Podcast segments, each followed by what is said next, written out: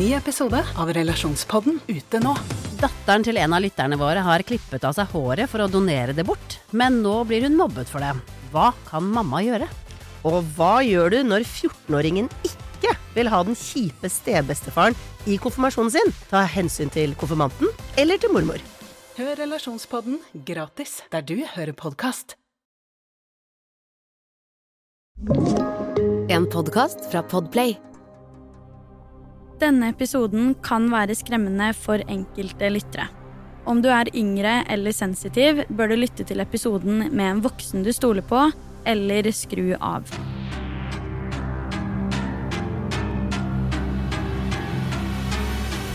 Hei og velkommen til en helt ny episode av Forsyningsfredag podkast.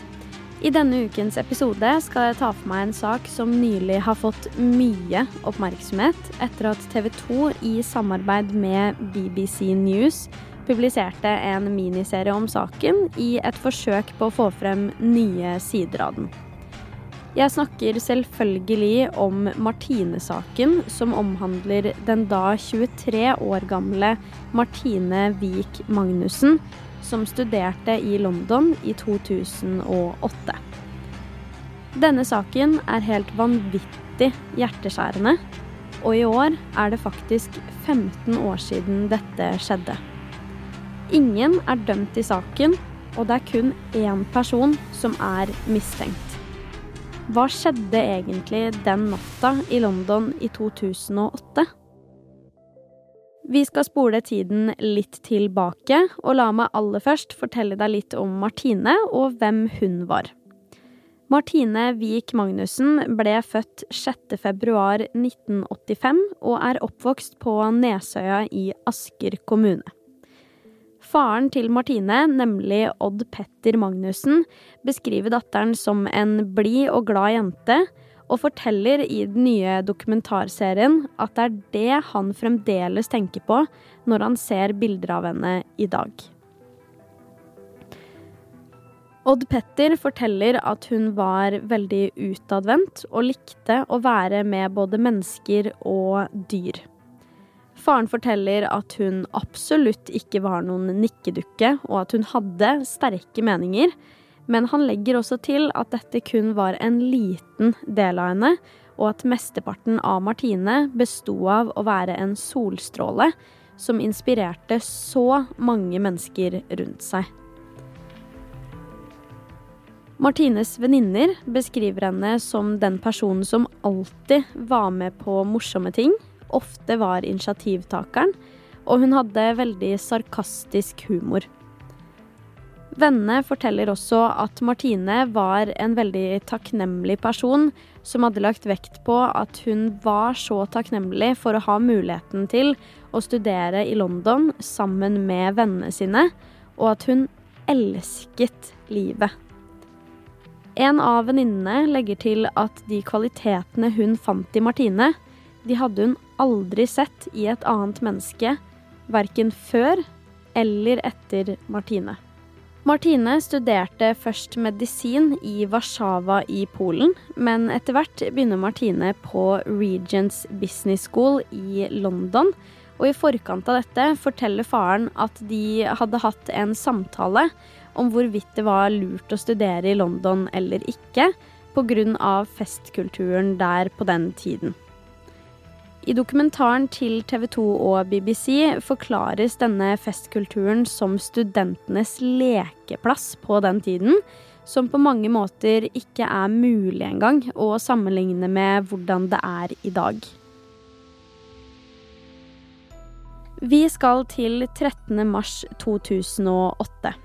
Dette er kvelden da Martine er ute på byen med vennene sine, og også sist hun ble observert. Martine og vennene hennes var nemlig på utestedet Maddox i London, som visstnok var et skikkelig kjent og veletablert utested på den tiden. Denne kvelden var Martine glad, ifølge vennene sine. Hun oppførte seg akkurat slik som hun pleide, men kanskje i et litt ekstra godt humør. Martine hadde også tatt med seg en venn fra studiet, nemlig Farouk Abdullaks.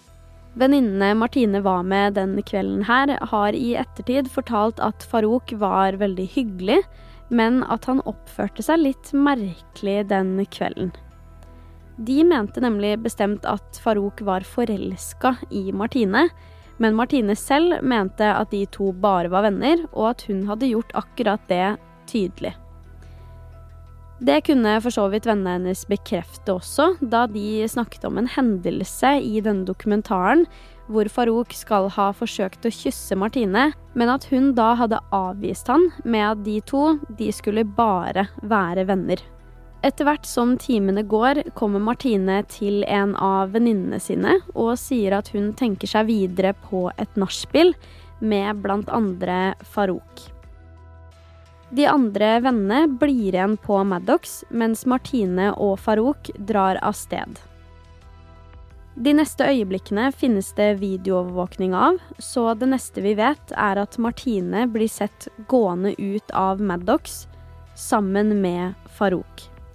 Om du ønsker å se disse overvåkningsvideoene, så har jeg lagt ved en link til hvor du kan se dem på min Instagram-profil der jeg heter Forsvinningsfredag.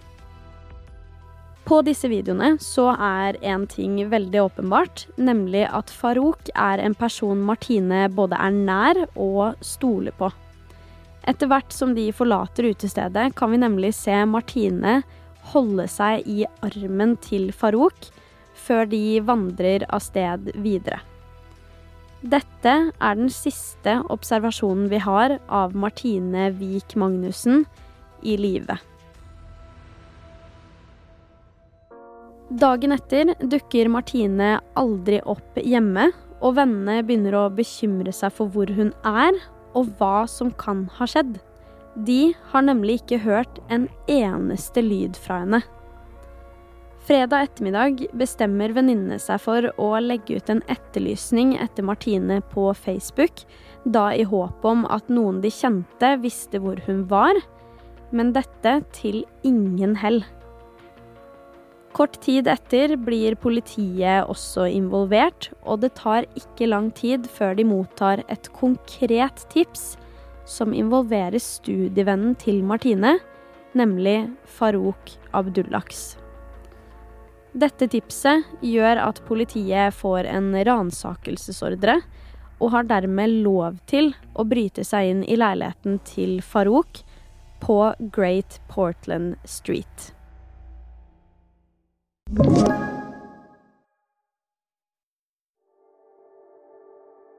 Den 16. mars ca. klokken halv elleve på formiddagen blir en kvinne funnet død i leilighetskomplekset der Farouk bodde. Hun har blitt påført store skader mot halsen, og hun har også blitt utsatt for et grovt seksuelt overgrep. 17. mars kunne politiet i London bekrefte at det var Martine Wiik Magnussen som hadde blitt funnet voldtatt og drept i kjelleren av leilighetskomplekset. Allerede dagen etter, den 18. mars 2008, etterlyste politiet den da 21 år gamle Farouk Abdullaks i forbindelse med drapet på Martine. Han står som sakens eneste mistenkte, dette basert på både tipset politiet fikk, at han var den siste personen som ble observert med Martine i live, det faktum at Martine ble funnet i kjelleren av leilighetskomplekset han bodde i, og til slutt at han rømte landet mellom tidspunktet han sist ble sett med Martine, og før Martine ble funnet. Etter hvert går nemlig politiet ut med at de tror at Farouk har forlatt Storbritannia og deretter reist til hjemlandet sitt, Jemen. Her møter politiet på en hindring. Jemen har nemlig ingen utleveringsavtale med Storbritannia, så de er ikke pliktige til å utlevere til Storbritannia om Farouk har kommet inn i landet eller ikke.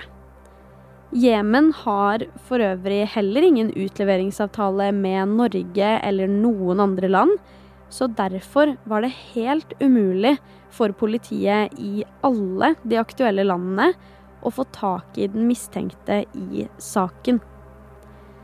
Dette skaper naturligvis også problemer med å eventuelt stille Farouk for retten, ettersom at han hadde vært nødt til å både være i England og avgi sin forklaring på hva som skjedde den kvelden med Martine.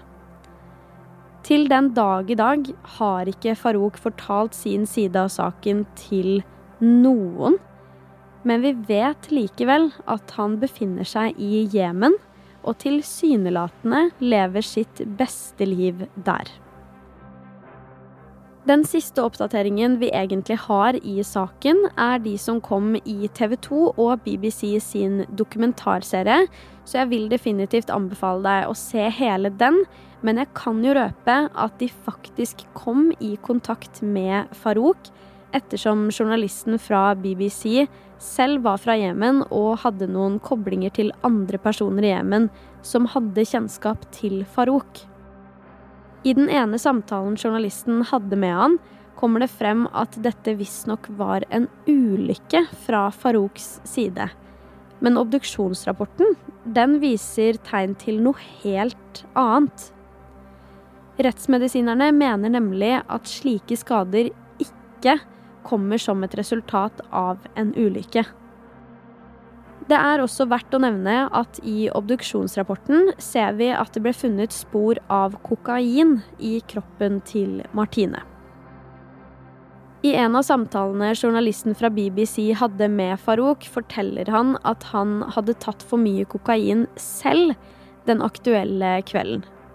Tok da Martine dette frivillig, eller hadde hun blitt tvunget eller var uvitende om at hun fikk det?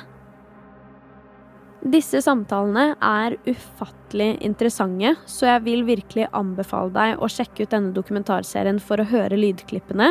Serien heter Martine siste kapittel, og du finner den på TV2 Play. Saken har foreløpig ingen utvikling når det kommer til å få Farouk i tale og da gi hans side av saken, og dermed er vi heller ikke noe særlig nærmere å få en konklusjon i saken. Denne prosessen er både lang, komplisert og innvikla, og den involverer en avdød far som i alle år har beskytta sønnen sin og frarådet han å snakke ut om saken. Farouk selv er både gift og har barn.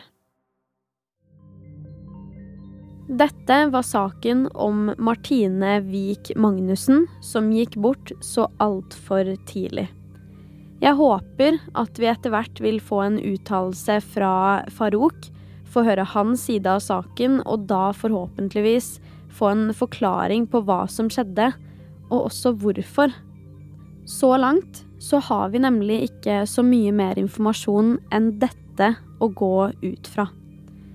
Jeg er veldig interessert i å høre hva du tenker rundt denne Farouk-situasjonen.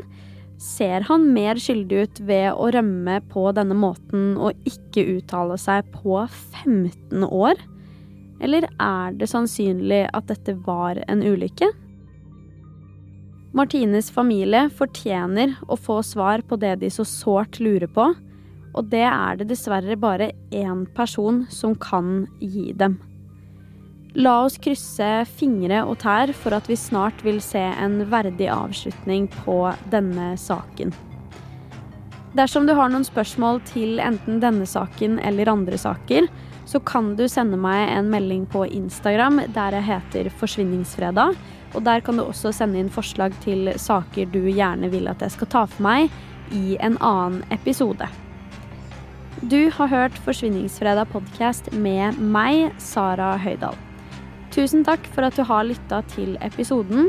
Jeg er tilbake med en helt ny en allerede neste fredag, og i mellomtiden, ta vare på deg selv.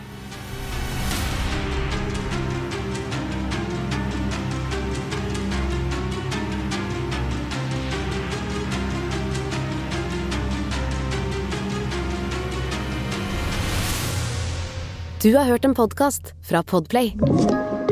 En enklere måte å høre podkast på. Last ned appen Podplay eller se podplay.no.